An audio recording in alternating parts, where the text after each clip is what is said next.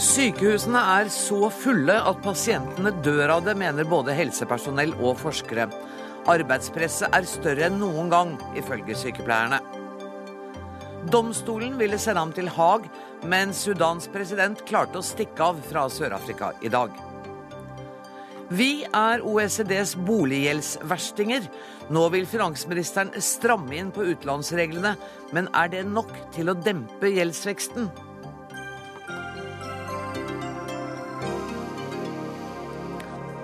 Dette er noe av innholdet i ukas første Dagsnytt 18-sending, der vi også skal møte to glade Hedda-prisvinnere. Men først skal det altså handle om sykehus. For norske sykehus er så fulle at pasienter i verste fall dør som følge av feil begått av stresset helsepersonell. Det går fram av NRKs helsereportasjer det siste døgnet. Norges største sykehus, Ahus, har i perioder hatt en, et pasientbelegg på 115% Helseminister Bent Høie, da er det jo ikke rart at ting går gærent? Nei, Noen ganger er beleggprosenten eh, for høyt, og det er òg en av grunnene til at eh, f.eks. når det er det som du trekker fram her, at en er veldig tydelig på at Helse Sør-Øst og Ahus må jobbe med å finne Eh, løsninger for å øke kapasiteten i hovedstads, eh, hovedstadsområdet. Men eh, hvis vi ser på funnene fra Kunnskapssenter og de hendelsene som er rapportert inn, så er det om lag 6% av hendelsene som er knyttet opp til tilgang på ressurser og organisering.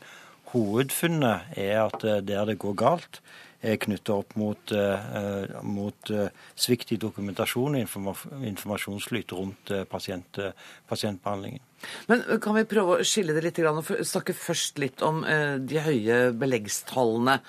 For jeg tenker at hvis, for det, det, er jo ikke bare Ahus som har hatt høye tall. Alle sykehusene i Norge har hatt tall som er over det som er anbefalt, nemlig 85 Det er ikke riktig, men eh, det er stor variasjon okay. i beleggprosenten på sykehusene. Men det er riktig at det er, av, det er flere sykehus enn Ahus som har høy beleggsprosent. Det er helt riktig. Betyr ikke det rett og slett at vi har for få sykehus? Nei, Det betyr, eh, kan òg bety at vi har eh, organisert arbeidet ikke på en god nok måte. At for mange pasienter blir liggende for lenge i sykehus, eh, bl.a. Og at vi ikke har god nok At organiseringen rundt, rundt pasienten ikke er god nok. Og Det viser vi f.eks. På, på kreftområdet. Så ser vi jo at en av hovedårsakene der til at det skjedde feil, var jo nettopp at tjenesten ikke var godt nok koordinert, at det ikke var noen som tok ansvar gjennom forløpet. Det gjorde at pasienten òg ble liggende og vente unødvendig lenge på behandling. og Det er en av grunnene til at vi nå har innført pakkeforløp på kreft med en pasientkoordinator, en som tar ansvaret for at pasienten får den hjelpen som en skal ha på det rette tidspunktet. Det kan vi også ta etterpå, men uh, som du sikkert skjønner, så har jeg vært i kontakt med Ahus i dag for å få litt sånn faktaopplysninger.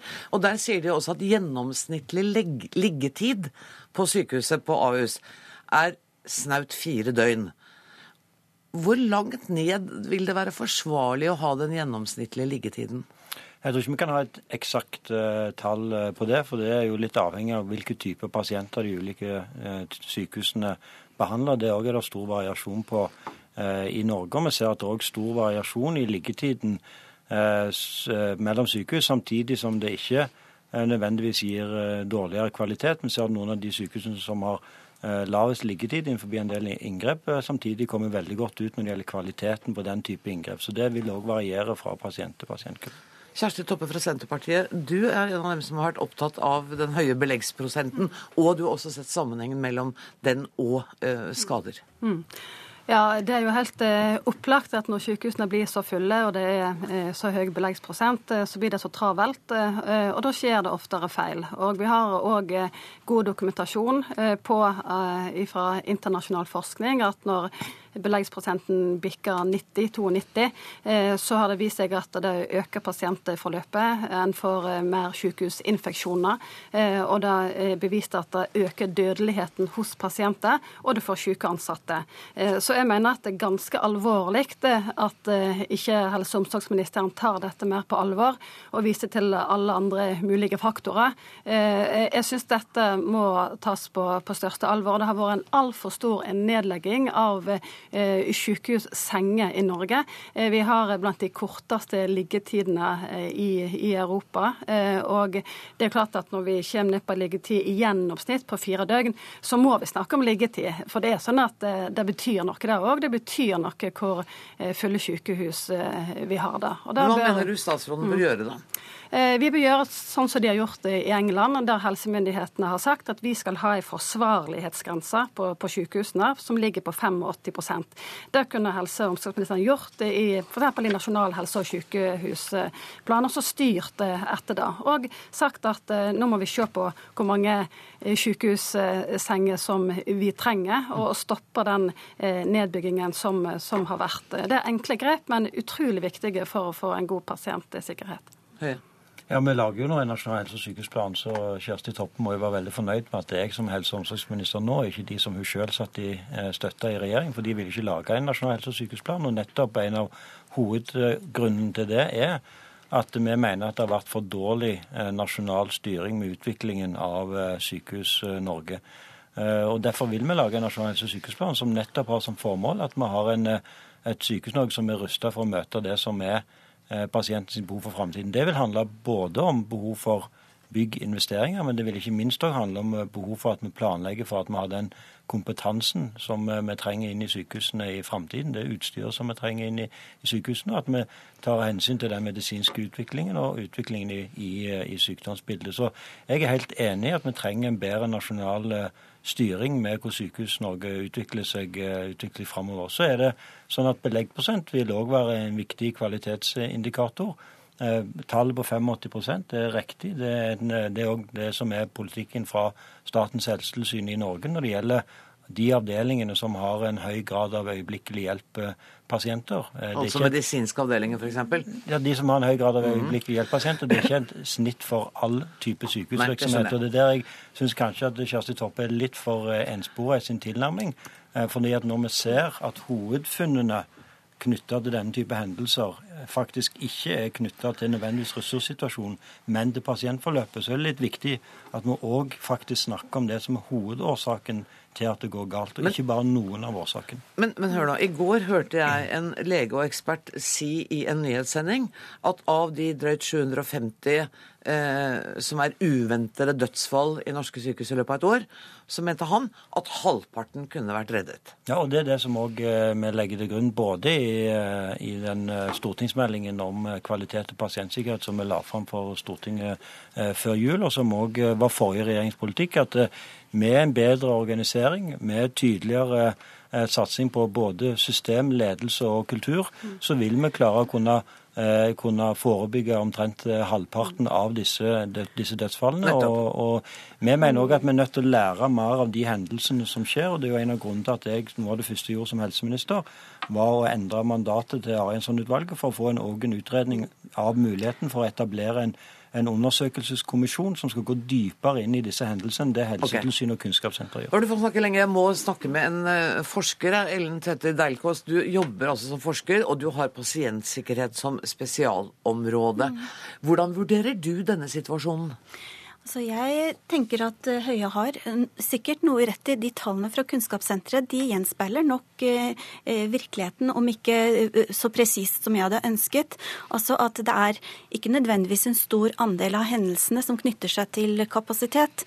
Men det betyr ikke at de, de hendelsene ikke er viktige nok. Det er mange andre hendelser i tillegg, og andre risikoområder i tillegg. Hva kan man gjøre da for å få ned beleggsprosenten? For du er jo også enig i at den, den, representerer et problem? Absolutt. Det representerer altfor stor risiko der den er veldig høy. Og jeg syns at det er litt for lettvint å overlate foretakene til seg selv på dette. Foretaksstrukturen innbyr ikke til en ledelse som sørger for å, å gjøre en differensiert innsats der hvor det er behov for det i forhold til kapasitet.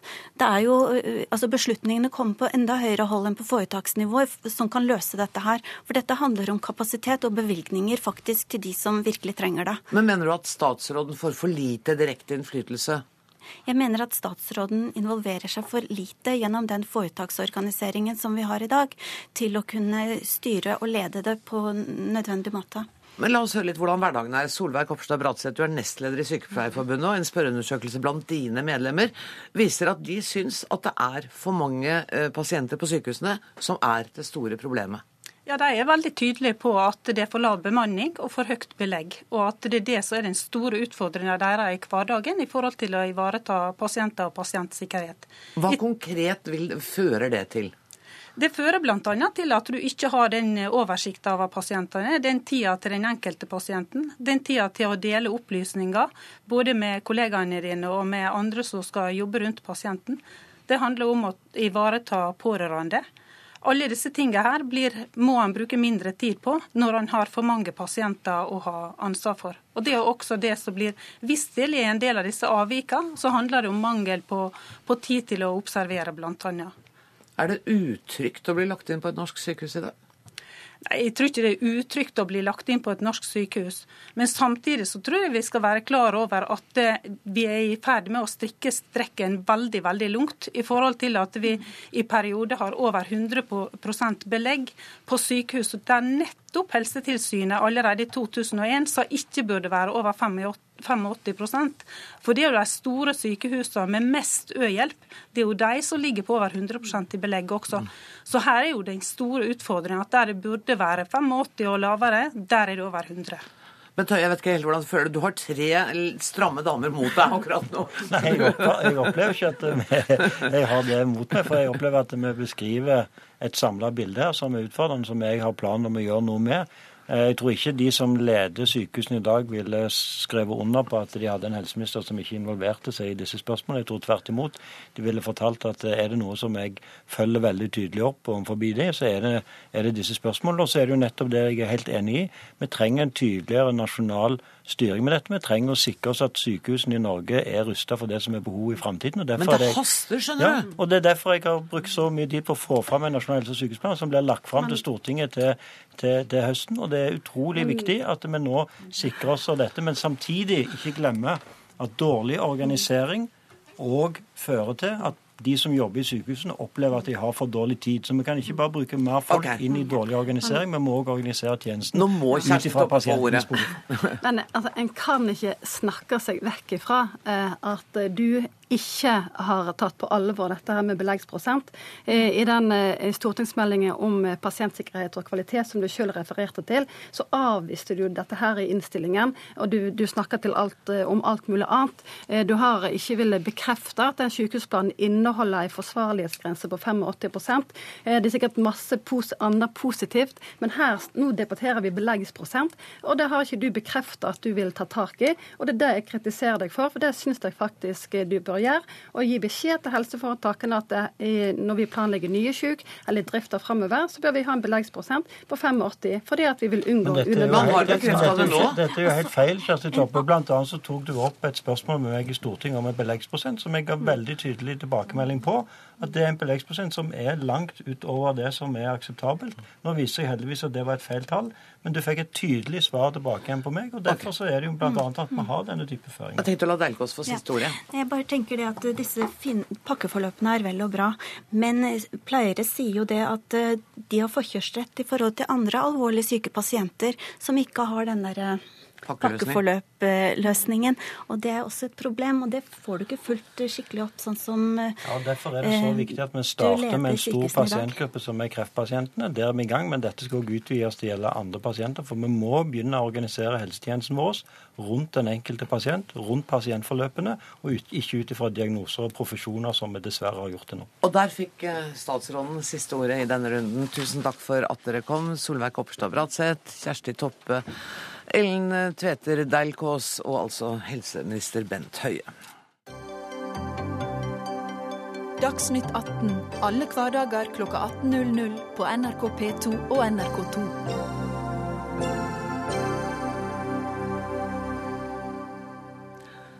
Folkemord, lemlestelse, tortur og voldtekt det er bare noen av forbrytelsene Sudans president anklages for.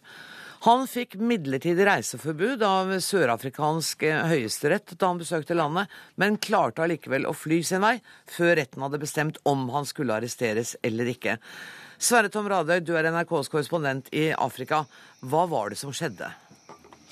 Nei, Det som skjedde var at uh, toppmøtet i Johannesburg i Sør-Afrika hadde invitert uh, denne lederen av Sudan, som du sa var etterlyst og, og tiltalt av straffedomstolen i Haag. Og da, eh, domstol, da Høyesterett i Sør-Afrika fikk vite dette og fikk eh, en sak på bordet om å fengsle eh, Sudans president, ja, så utsatte det den avgjørelsen, men også sa at han i hvert fall ikke fikk lov å forlate landet. Så drar altså fuglen, eh, fuglen flyr før Høyesterett i, i, landet får bestemt om han skal arresteres. En, en regjeringsadvokat sier at al-Bashir ikke sto på passasjerlista, så det var vanskelig å stoppe det flyet. Men hvis det da var virkelig eh, presidenten av Sør-Afrika, eh, Jacob Zuma, som ga ordre og klarsignal for at al-Bashir skulle få lov å reise, ja, så er dette en ganske pikant sak også for det landet. Hva er det som står på spill i denne saken? Det er mange ting. Altså, For Høyesterett eh, så står det mye på spill. For rettsstaten i Sør-Afrika står mye på spill. Hvem er det som skal bestemme lover og regler i landet? Høyesterett bestemte én ting, eh, så skjedde noe annet. Hvem har skyld i, eller æren for det? Eh, hele rettsvesenets rolle i det landet er det mange som, mener ikke bare står på spill, men er i spill. Så dette kommer til å ha store følger for det som kommer til å skje i, i Sør-Afrika de kommende dagene dagene og ukene. Så er det selvfølgelig domstolen i Haag, som jo sitter litt med skjegget i postkassa etter at eh, al-Bashir nok en gang har uh, klart å besøke et land. Og det er et land Sør-Afrika er medlem av domstolen i Haag, og dermed forpliktet til å arrestere ettersøkte og tiltalte eh, folk som domstolen i Haag gjerne vil ha eh, kloa i. Mm. Så for domstolen i Haag står mye på spill, for Sør-Afrika står mye på spill. Og for Zuma selv står mye på spill. Han sa altså nei til Vesten ved å tillate at Bashir har reist. Han sa ja til Afrika denne gang. Tusen takk skal du ha, Sverre Tom Radøy. Um, Liv Tørres, du er generalsekretær i Norsk Folkehjelp, og du kjenner Sør-Afrika mm. veldig godt.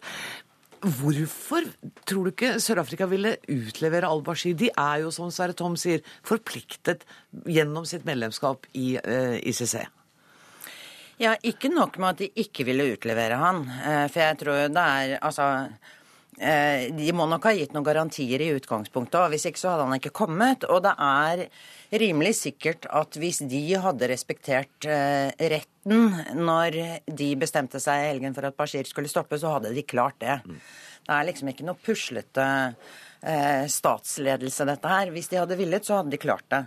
Jeg tror det er tre ting som er viktig. Det ene er vel at Zuma i 2015 har mindre interesse av eh, og ønske om å please det internasjonale samfunn og for så vidt de interne kritikerne eh, som er opptatt av menneskerettigheter. Altså I 2009 var han veldig tydelig på akkurat dette spørsmålet. Ja. I dag føler han vel at han står tryggere. Og det er viktigere å posisjonere seg med afrikanske ledere. Og AU-resolusjonen som de da støttet seg til i 2013, som sier at ICC egentlig, sier de i praksis, er en europeisk domstol. Og de vil heller lage sin egen på et tidspunkt, var nok også viktig. Altså ønsket om å gi støtte til AU, afrikanske statslederne.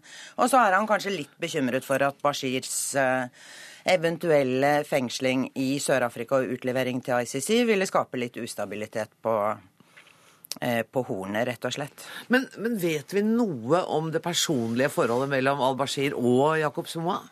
Er de venner? Det tror jeg ikke. Jeg tror nok det er eh, taktiske, strategiske eh, grunner som, som, er lagt på bordet her. Og jeg tror også det er ganske sikkert at uh, toppledelsen i ANC og Sør-Afrika har vært inne i den beslutningen. Uh, du, det vil jeg tro. Altså, du, du, du sitter ikke og ser på at uh, han rett og jeg, jeg, vil tro at de har, de har vært inne i denne saken. Han har ikke saken. klart denne rømmingen på egen hånd? Nei, jeg tror ikke det. Sofie Høgestøl, du er stipendiat ved Norsk senter for menneskerettigheter. Hvordan er det siste sjansen til å få al-Bashir dette? Det var nok det. Dette er en 71 år gammel mann. Tanken på at han kommer til å reise noen sted utenfor sine landegrenser, i alle fall ikke til et medlemsland etter denne saken her, det tror jeg ikke vi kan se for oss. Og Det betyr nok dessverre at Sør-Afrika ved å støtte eh, Bashir eh, og la han flykte slik de gjorde, eh, har gjort det umulig for ofrene i Darfur-konflikten til å få saken sin hørt for ICC. Men nå hørte vi jo Sverre Tom si at den internasjonale straffedomstolen også sitter litt med skjegget i postkassa her nå. Gjør den det? De gjør nok det. Um, spesielt fordi at uh, domstolen i Sør-Afrika skulle komme ut med en kjennelse om dette i går. Og så spør statsadvokaten uh, om uh, en dags forlengelse, slik at han kan sette sammen en sak. Og på den ene dagen greier da Bashir å flykte landet. Det er klart at her har man gått inn for å bryte forpliktelsene man har under Roma-statuttene. Også fordi at Sør-Afrika er et av de medlemslandene som har tatt sine forpliktelser under Roma-vedtektene inn i sin nasjonale lovgivning. Så det er ikke bare internasjonal juss det er snakk om her, det er snakk om nasjonal juss i Sør-Afrika som sier at du skal utlevere en sånn person. Og dersom et, en rettsstat som Sør-Afrika ikke samarbeider med ICC, så betyr det at man ikke kan forvente at andre afrikanske land heller gjør det. Og dermed har det... autoriteten til eh, den internasjonale straffedomstolen også blitt svekket. Men, men litt høres, hvordan kan Sør-Afrika bare bryte sine egne lover og, og, holde på på denne måten her? Nei, det kan du si. De, de domstolene har jo generelt stått sterkt i Sør-Afrika. Det har vært sterke uavhengige domstoler og stor respekt for domstolene. Og det er klart det er mange som bekymrer seg i dag eh, for om hvorvidt ikke dette da er nok, et, nok en sak som vil undergrave både domstolenes styrke og uavhengighet. Og nok en, en sak som signaliserer at uh, enerådige politikere kan gjøre ganske mye som de vil. Og det er klart, det er veldig bekymringsfullt. Så, så skal det jo også legges til at med dette så er det nok en sak som også som også innebærer at utenrikspolitikken til, til Sør-Afrika endrer seg en smule. Mm. altså Bort fra det som var på en måte menneskerettighetsbaserte utenrikspolitikken til Mandela, mm. og selv den afrikanske renessansepolitikken til Thabo Mbeki. Ja. Eh, dette er mer en interesseorientert utenrikspolitikk. Det er definitivt en helt annen menneskerettighetspolitikk. Og samtidig så er det jo sånn at eh, ANC kommer til å sitte relativt trygt allikevel en god stund til. Hvilken makt har Den internasjonale straffedomstolen i å få fatt i al-Bashir nå, eller har de ingen makt i det hele tatt? Relativt sett lite makt. De må egentlig støtte seg på medlemsstater, som Sør-Afrika, som da skal utlevere vedkommende. Men de har før jul spurt Sikkerhetsrådet om hjelp. For dette er en, eh, Sudan-saken er en sak som har kommet frem for domstolen fordi at Sikkerhetsrådet har bedt om det. Mm. Og da eh, skulle man jo tro at Sikkerhetsrådet også skulle følge opp en eventuelt internasjonal arrestordre på beskjed, og det har de ikke gjort. Men har kritikerne litt rett i at ICC, eller Den internasjonale straffedomstolen, er på en måte en europeisk domstol? Uh, ja og nei. Um, lederen for, uh, for ICC, uh, den internasjonale organisasjonsbiten av ICC, er akkurat nå um, Senegal. Akkurat. Så, ja. Um, Sverre Tom Radøy, um, du er fortsatt med oss. Um, det har vært noen aktivister som har jobbet hardt for at al-Bashir skulle pågripes. Er det noe tegn til demonstrasjoner eller misnøye nå? Ja, Misnøyen den er svært stor. Eh, et, en organisasjon som Human Rights eh, Watch uh, sier at dette her er en, er en skandale for sørafrikanske rettsvesen, og at al-Bashir, da han fløy opp til himmelen, ja, så tok han med seg håpet fra tusenvis av mennesker som hadde trodd på rettferdighet, mennesker som var ofre for de grusomste hendelser i Darfur. Men når dere snakker om, om, om, afrikanske lederes irritasjon over domstolen i Haag, så er det vel verdt å huske at domstolen nesten utelukkende håndterer afrikanske saker. Mm. Og alle de åtte sakene som eh, domstolen har under etterforskning, har basis i Afrika. Takk for den påminnelsen. Jeg må sette strek der. Tusen takk skal du ha, Sverre Tom Radøy. Takk til Liv Tørres og til eh, Sofie Haugstad.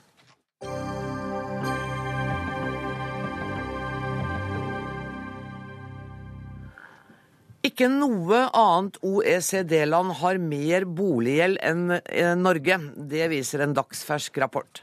Samtidig presenterte finansministeren i dag regjeringens plan for å få bukt med den galopperende boliglånsveksten. Velkommen hit, eh, Siv Jensen, finansminister.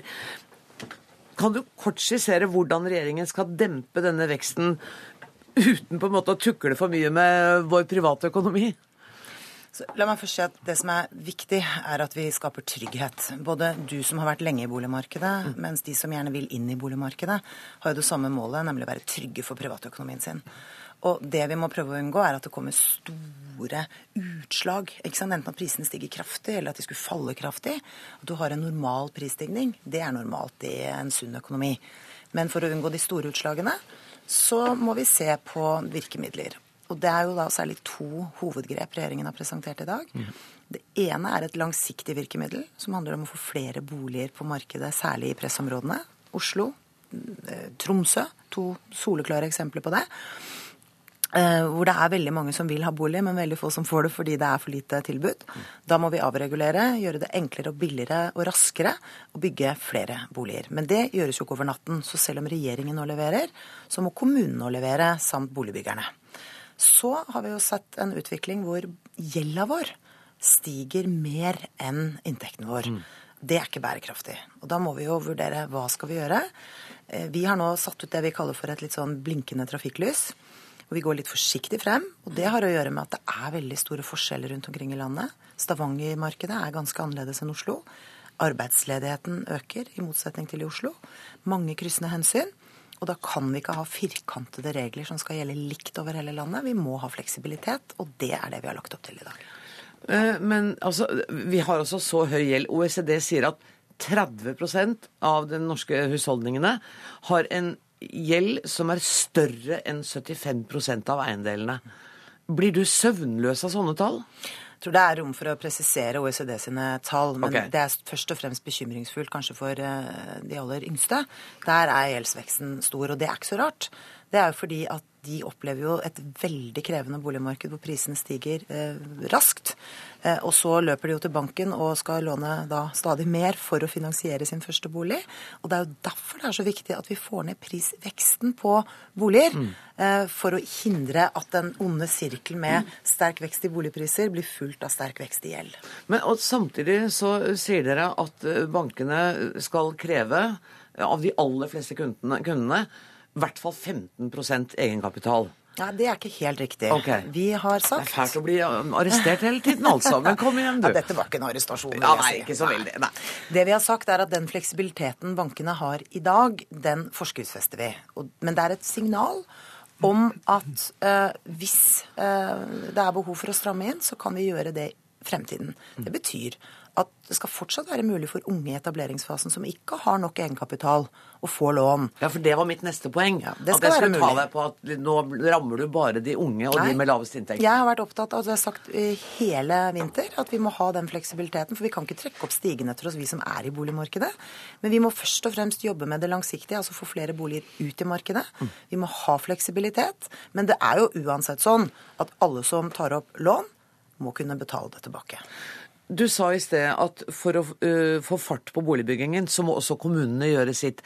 Betyr det at kommunene nå kan vente ekstra midler dette, dette, handler jo ikke nødvendigvis om mer midler til kommunene. Dette handler om reguleringsarbeid. Det handler okay. om plan- og bygningsloven. Det handler om tekniske krav.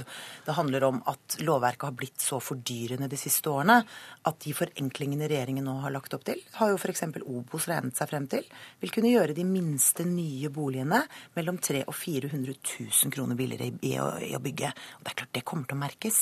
Så forenklinger. Eh, og det gjør jo at kommunene da kan gå i gang med å regulere raskere. Vi har gjort noe med innsigelsesproblemet. Hvor mange aktører skal komme med innsigelse, så mm. går det vinter og vår før man får tatt beslutninger, og før man får kommet i gang med å stukke spaden i jorda. Jeg har uh, fått hjelp av to eksperter i dag. og jeg er Tom Stove, du er kommentator i, VG. Um, er du fornøyd med disse tiltakene fra regjeringen? Ja, jeg syns, uh, jeg syns alt i alt Eh, arbeidet, og da snakker jeg særlig om de kortsiktige tiltakene som er knytta til eh, bankmarkedet, mm. Er ganske vellykket. Det at man har klart å få til både at det skal være mulig for unge mennesker å kunne låne hva skal vi si, altfor mye penger uten sikkerhet, i hvert fall inntil en viss andel av bankets utlån, tror jeg er en veldig god måte å gjøre det på. Uh, og så tror jeg det er viktig at regjeringen har sagt veldig klart at hvis ikke de tiltakene som nå er veldig forsiktige, og det mener jeg er et vesentlig poeng her altså uh, uh, Finansministeren kunne med for harde tiltak nå eh, skapt det krakket tiltakene er ment å eh, forhindre litt lenger ned i løypa. Fordi at Hvis hun hadde strammet inn for hardt, så Ja. kunne liksom hele boligmarkedet stoppet opp. og Da hadde vi fått dette krakket. Så det har vært en, det har vært en ganske, jeg tror dette har vært en ganske tung og vanskelig øvelse for Finansdepartementet å finne ut hvor de skal legge seg inn. Så i det perspektivet, med den utfordringen, så mener jeg at man har gjort en god jobb. Det syns jeg er eh, en god eh, oppsummering. Og jeg har lyst til å minne om, for at dagens unge husker jo ikke tilbake til den tiden som du husker, hvor det virkelig gikk galt i norsk boligmarked. Mange mennesker opplevde jo da, på slutten av 80-tallet, begynnelsen av 90-tallet, at de hadde tatt opp gjeld for å kjøpe bolig, og så falt prisene kraftig, og så satt man igjen med en gjeld som var mye høyere enn det boligverdien tilsa. Da hadde folk problemer. Renten steg kraftig. Det tok si det er det jeg husker mange best, er den høye renta. Og det er det fortsatt mange mennesker i Norge som husker. Eh, mens dagens unge aner ingenting om det, for de har bare sett et boligmarked i oppgang. Eh, og vi må gjøre det vi kan for å unngå at vi får en sånn situasjon igjen. Derfor har vi nå tatt noen forsiktige grep for å bidra til at vi alle har trygghet i boligmarkedet. Elisabeth Holvik, du er sjeføkonom i Sparebank1-gruppen. Det statsråden sier, er jo at hun gir et forsiktig signal, men det ligger jo tydelig under, sånn som jeg hører det, at hun forventer at bankene følger de signalene. Er bankene beredt til det? Ja visst. Eh, Og bankene de vurderer jo alltid hvert tilfelle når de låner ut. Utfordringen er at eh, i Norge i dag så er det jo rikelig med kapital. Altså det er mye penger i omløp i økonomien. Og det er en oppfatning om at eh, å investere i bolig, altså kjøpe mer enn én bolig, er, lurt mm. hvis du har litt ekstra penger. Og for mange unge så er det jo mulig å, å få tak i disse 15% egenkapital av foreldre, av eh, andre kilder.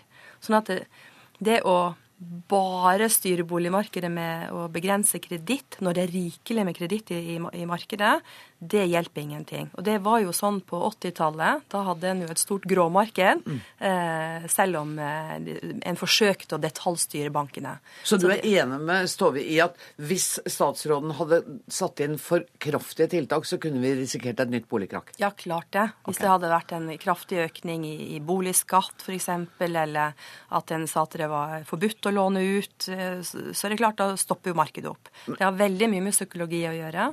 Og nå har det jo vært en periode med optimisme, der folk har tenkt at vi må skynde oss å komme inn i markedet, og vi må kjøpe før vi selger. Ja. de Er den perioden over? Nei, det tror jeg. I de store byene, særlig Oslo og Tromsø, som har vært trukket fram, så har det vært en ekstra stor interesse for å kjøpe her. Fordi her har vi ikke eiendomsskatt. Og det har skapt et inntrykk av at det er her byggeaktivitet og, og, og befolkningsveksten skal være i neste årene. Og så blir det en sånn selvoppfyllende eh, tiltrekning for, for å kjøpe leiligheter her. Står vi og ba om ordet til dette. Ja, og det, eh, men det er jo et eh, Det, det er jeg helt enig i det her. Eh, Men, men så er det ett mener jeg, vesentlig poeng til med det som har skjedd i dag, som egentlig handler om noe annet. Altså, Alt henger sammen med alt.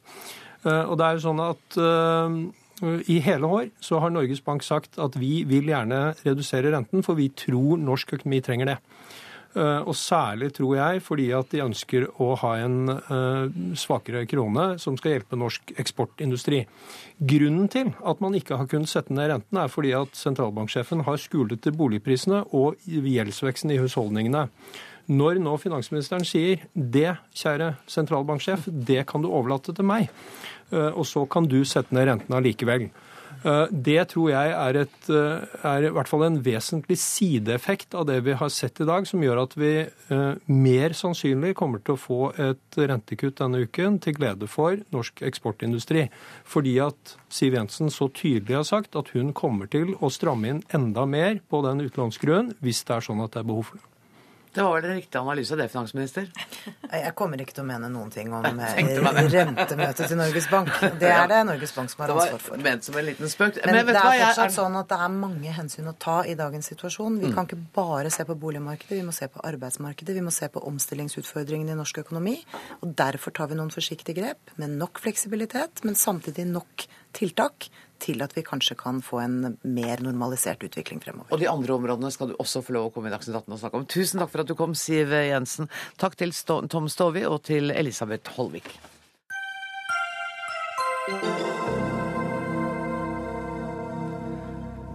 Norske foreldre må slappe mer av og ikke bidra til at barna får dårligere holdninger rundt kropp og kosthold. Skal barna få lov til å spise Grandiosa i ny og ne, eller burde man slavisk porsjonere ut små eplebiter? Marte Frimann Anda, du skriver i en kronikk på NRK Ytring at noen ganger kan det bli så sunt at det blir usunt. Hva mente du med det? Du, sunn mat i dag, det er ikke lenger bare grovbrød, melk fem om dagen og fisk to ganger i uka. Sunn mat i dag, det er eh, blitt et kosthold der vi helt ned på detaljnivå veier og regner ut nøyaktig hvor mange næringsstoffer, karbohydrater, fettsyrer, sunne fettsyrer, antioksidanter og proteiner det er i maten vår. Vi kutter ut gluten bare sånn tilfelle det kan være usunt. Og vi kutter ut melk selv om vi velken har melkeintoleranse eller melkeallergi. Jeg mener det blir for ekstremt. Men, men, det er jo også et faktum at norske barn blir tyngre. Ja. Er det da lurt å slå et slag for lørdagsgodteriet, som du skriver i kronikken din?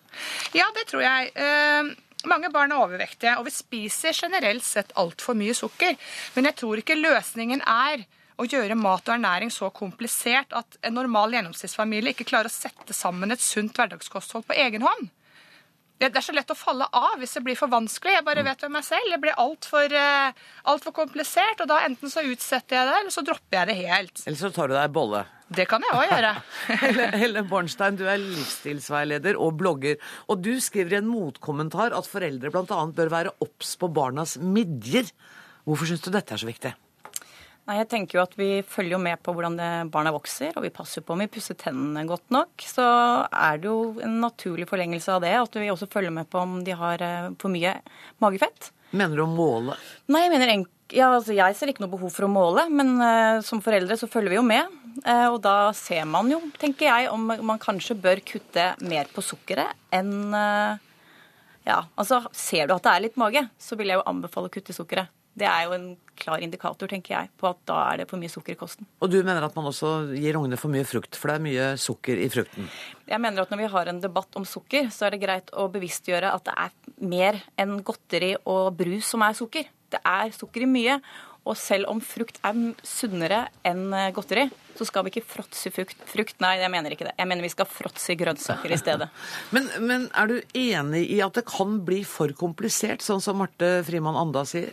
Ja, jeg syns det er eh, veldig vanskelig selv. Og jeg tenker at det er veldig viktig eh, at vi er kritiske. Og jeg synes det er egentlig det er ikke noe gøy å være frustrert, men vær frustrert og vær kritisk til alt som blir sagt. Fordi det er ingen fasit i kosthold. Men det er mye forskning som viser at sukker ikke er bra. Så la oss gjøre det enkelt. Kutt på sukkeret. Men, og det er nok, mener du? Jeg mener at ja. Vi begynner der. Ikke gjør det mer avansert. Jeg er ikke for disse telling av kalorier. Det får andre styre med. Det har ikke jeg tid til. Og jeg skjønner ikke hvem som har tid til det. Nei, jeg skulle til å si at, at som mor blir det ganske vanskelig hvis du skal telle karbohydrater og kalorier Nei, det... og melkesyrer og jeg vet ikke hva. Kan man ikke la kan, kan ikke ungene få ha litt å si i dette her også? Men hvis ungen din tåler melk og drikker melk, er det gærent da? Nei.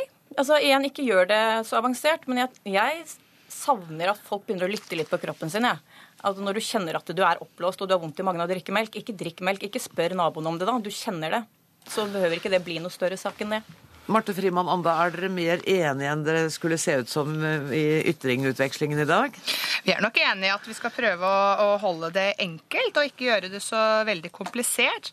Jeg er ikke enig i eh, Altså, jeg vil ikke ha målt midjemålet på barna mine. Og jeg gir dem også eh, Helle skriver i kronikken sin at var det et kvart eple og en tredjedel banan er nok som, eh, som et eh, mellommåltid.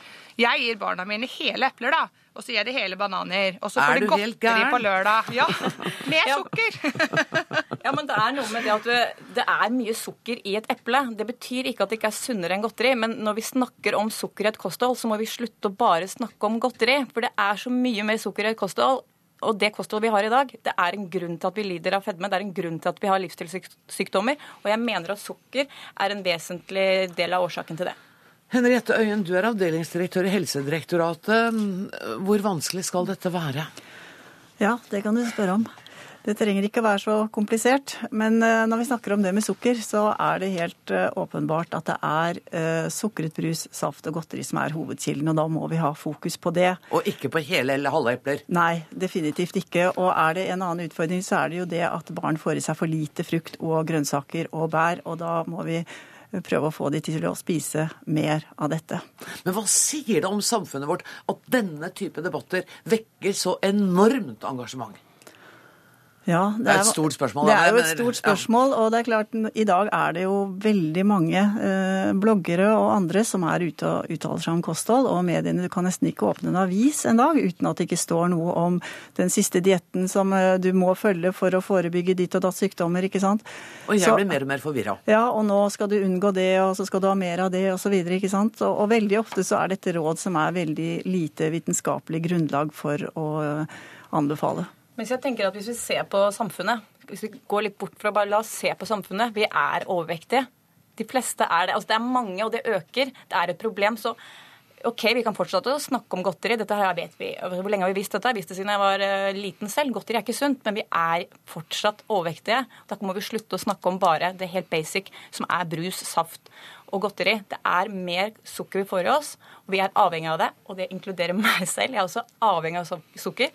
Og når vi nå har denne debatten, så la oss bare akseptere at sukker er mer enn dette ene lørdagsgodtet. Det har du sagt. Og du har sagt at det er i frukt. Hvilke andre eh, matområder er det vi skal være forsiktige med?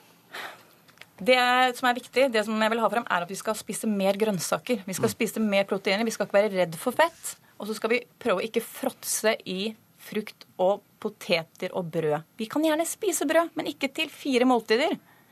For noe gjør vi jo tydeligvis gærent når vi er overvektige. Og da spør jeg tilbake til de som har nå med Helsedirektoratet, og til Marte. Hva er det vi gjør gærent når vi er så overvektige?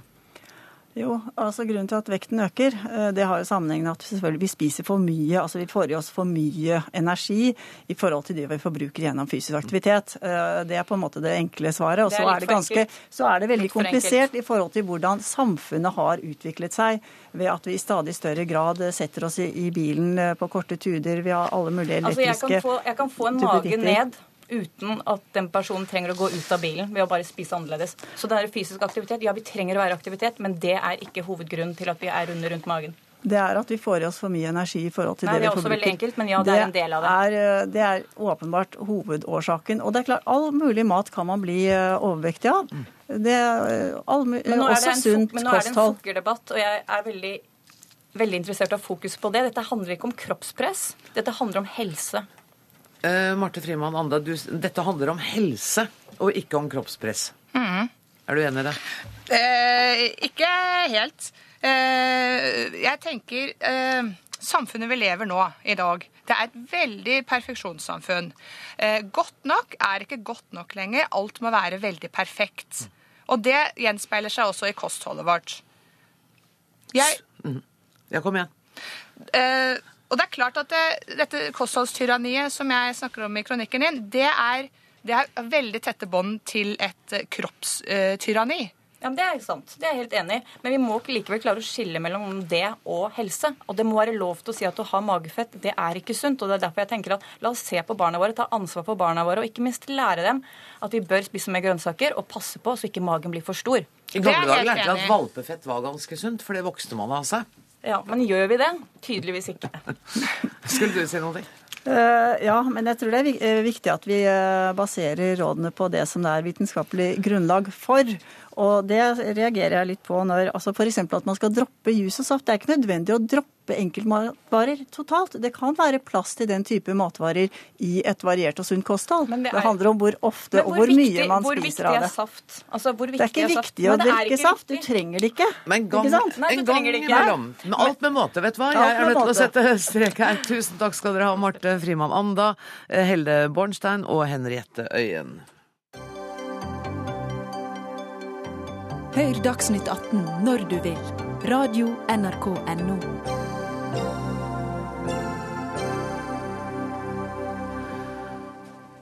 Norsk skog og matjord kan bli kjøpt opp av store multinasjonale selskaper. Det frykter i hvert fall Skogeierforbundet når regjeringen nå vil kvitte seg med den såkalte konsesjonsloven. Erik Landstein, velkommen hit. Du er administrerende direktør i Norges Skogeierforbund. Um, OK, jeg bare gir deg ordet. Bare forklar meg. Hva er det som er feil med dette forslaget?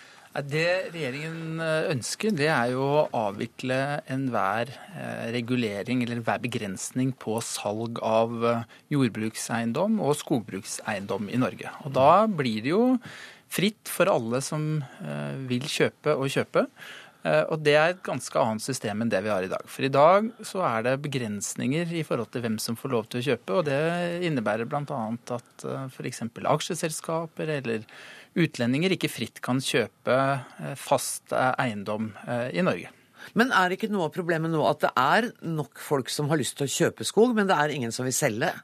Jo, Det er jo det som er det store paradokset. For også vi er enige med regjeringen at vi bør få opp omsetningstakten på skogbrukseiendom. Det kan være fornuftig å få noe større eiendommer. Og ikke minst så er det positivt at de som ønsker å drive aktivt, får muligheten til Nettopp. å kjøpe opp mer skog.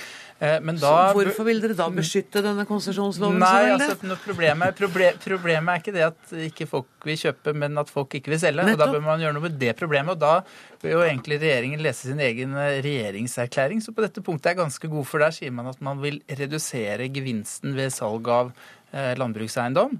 Eh, og det som er da det paradoksale, det er jo at en, en, en skatt som ble innført da Per Christian Foss var finansminister sist gang, og som begrenser omsetning av eh, eiendom, og som er skadelig, blir helt ødeleggende eh, når det er varslet at den skal fjernes. For da gir man jo en beskjed om at ikke selv nå, men vent litt. Da får du en betydelig skattelette. Så det er det første man bør gjøre hvis man vil ha en mer effektiv eiendomsstruktur. Gunnar Gundersen, andre nestleder i næringskomiteen for Høyre. Er det det første dere kommer til å gjøre? Ja, altså Det står jo i regjeringserklæringen, så her ja. slår man jo på åpne dører. Men jeg tror landsdelen jeg kan Men dere har jo ikke gjort det, da? Nei, men det er, jo, det er jo to år igjen av regjeringsperioden nå, så det er flere statsbudsjetter å gjøre på. haster det veldig. ja, ja, og vi, er, altså, vi må ikke snakke oss bort fra det som er hovedutfordringen. Vi har en ressurs i Norge, skogressurs, som både i klimasammenheng er meget viktig, og som kan gjøre en mye større jobb med hensyn til å skape arbeidsplasser ute i Distrikts-Norge, hvis vi bare utnytter ressursen. Okay. Og, Hvorfor gjør vi ikke det nå? Nei, Hvorfor Jeg kan... mener jo at konsesjonsloven vi regulerer næringen i hjel. Ja, altså, det er som du sier, Hovedproblemet er at det er masse som ønsker å kjøpe, ingen som ønsker å selge. Og det er fordi man har en følelse av at staten regulerer verdiene, sånn at man ikke får igjen det de er verdt. Og det er selvfølgelig et problem hvis du skal selge noe. Og, så, og, det er masse lokale som, det er først og fremst lokale som ønsker å kjøpe. Så at Senterpartiet er så opptatt av å stoppe og lage et skremselsbilde av at utlendinger skal komme inn, det skjønner jeg ikke. Altså, Skogeierforbundet har selv vært med på å si at vi må gjøre noe med eiendomsstrukturen i Norge. Det har de gjort gjennom Skog22, med det strategiarbeidet som regjeringen nedsatte. Og det er, vel, det er uhyre viktig for å få tilførselssystemer til verdiskapende industri som, som investorer og de som ønsker å utvikle den, kan stole på. Mm. Men det, bare presisere at eh, Landstein representerer i dag ikke Senterpartiet, men Norsk, uh, sko, Norges Skogeierforbund. Og så, må må jeg bare, spørre deg, men er, er det ikke også noe av problemet at den norske skauen, sånn som den står nå, ikke driftes effektivt nok? Jo, det er jo åpenbart. Altså, vi har, for å illustrere, vi har, vi har en tilvekst i Norge på 25 millioner kubikkmeter. Alt, alt, det er ikke økonomisk tilgjengelig, men vi hogger ikke mer enn 10 millioner kubikkmeter. Vi ligger langt under det som er den økonomisk drivbare kvantumet. Og, og, dette er også viktig, som jeg sa, i forhold til både klima og det å skape For dette er en ressurs som har potensial i seg til å skape arbeidsplasser rundt omkring i hele Norge, hvis vi får fart på eh, primærleddet, som jo er skogbruket. Landstein, er du ikke enig i at vi må bruke denne skogen bedre? Jo, absolutt. Dette er jo søt musikk i mine ører. Men, men, vi vil gå fram, gå fram på litt uh, forskjellig måte. Fordi Gundersen han sier 'slipp dette helt fritt'. Men erfaringen fra andre land som har et mer liberalt system Nå er det ingen som har et så liberalt system som det eh, Gundersen tar til orde for, så vidt jeg er meg, meg, meg bekjent. Men altså, eh, vi vil jo fort kunne se at vi får en, en oppsplitting av eiendom hvis man ikke har noen begrensninger. At man sier at det er hyggelig at et ett eller flere av barna får en del av skogeiendommen, eller at man selger en del av skogeiendommen ikke til folk som vil drive skogen, men som er opptatt av å få, få jaktterreng, mm. Eh, eller at det er eh, Og da synker effektiviteten? Da synker fort effektiviteten. Og hvis det blir utenlandske finansmiljøer som skal plassere kapital for å sikre seg i forhold til risiko, så kan vi også få eh, skog som spekulasjonsobjekt, og hvor, hvor, hvor, hvor, man får mindre effektiv driftsstruktur og mindre aktiv skogbruk. Så vi, vi er for at vi får opp eh, omsetningstakten, vi er for eh, strukturendringer. Men det å slippe dette helt fritt kan fort gi eh, veldig uoversiktlige konsekvenser og andre og negative konsekvenser i forhold til det som jeg tror at Gundersen faktisk ønsker. Men la oss nå fokusere på at vi faktisk har en ressurs som er underutviklet. Skogeierforbundet sammen med Norskog og Statskog har i dag sendt brev til landbruksministeren der de går inn for at priskontrollen på skogeiendommer skal oppheves. Og det er jo absolutt det sterkeste inngrepet. Hvis det er utlendinger man er eh, redd for, så får vi jo eventuelt se på det. Men, men at vi er nødt til å begynne å Er det et sterkere inngrep enn å oppheve ja, altså Priskontrollen er, for det, det, betyr at staten kommer inn og overstyrer enigheten mellom en kjøper og selger og sier at prisen skal ikke være så høy. Og, og det er klart at det er et veldig sterkt inngrep. Og, og det, det, gjør jo at folk ikke får veldig lyst til å, å selge noe de mener har en verdi. Så, Nå er jo denne saken ute på høring. Jeg vet ikke hva høringsfristen er, men foreløpig er det ganske negative. Det er jo mange på deres parti her. Ja, av høringsinstansene så er det vel 90% som er mot å avvikle Eh, konsesjonen. Så det er relativt eh, entydig, og signalene både fra Venstre og KrF i Stortinget er jo at det å skulle fjerne konsesjonsloven er alle... veldig veldig ytterliggående, og noe de er, er, er mot, så vidt jeg har forstått. Når blir dette avgjort? Det... Nei, det ble, det nå diskuteres det bare. Det er jo ikke lagt fram noe forslag om, eh, om å oppheve konsesjonsloven ennå. Vi har det i regjeringsplattformen, men vi har ikke flertall. For det betyr at dere får sjansen til å komme tilbake og snakke mer om det en gang. For akkurat nå er jeg nødt til å si tusen takk for at dere kom, Erik Landstein og Gunnar Gundersen.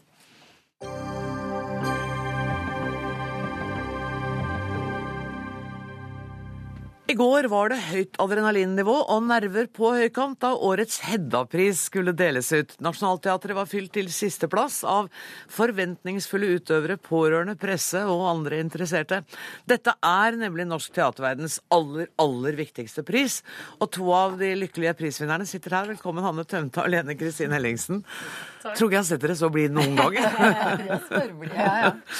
Lena Kristin, eh, har, du, har det rukket å sunke sy Nei, nå skal jeg prøve å snakke ordentlig. Det høres ut som jeg har fått en pris òg. Har det rukket å synke inn at du faktisk fikk den prisen for beste medspiller? Eh, ja, det begynner vel å ja, begynner å komme seg nå, skulle jeg si. Eh, er, jeg kjenner jo fortsatt rusen. Det gjør jeg. Så nei, det var skikkelig kick. En pris er en pris, men betyr den noe utover gleden ved å stå der og takke?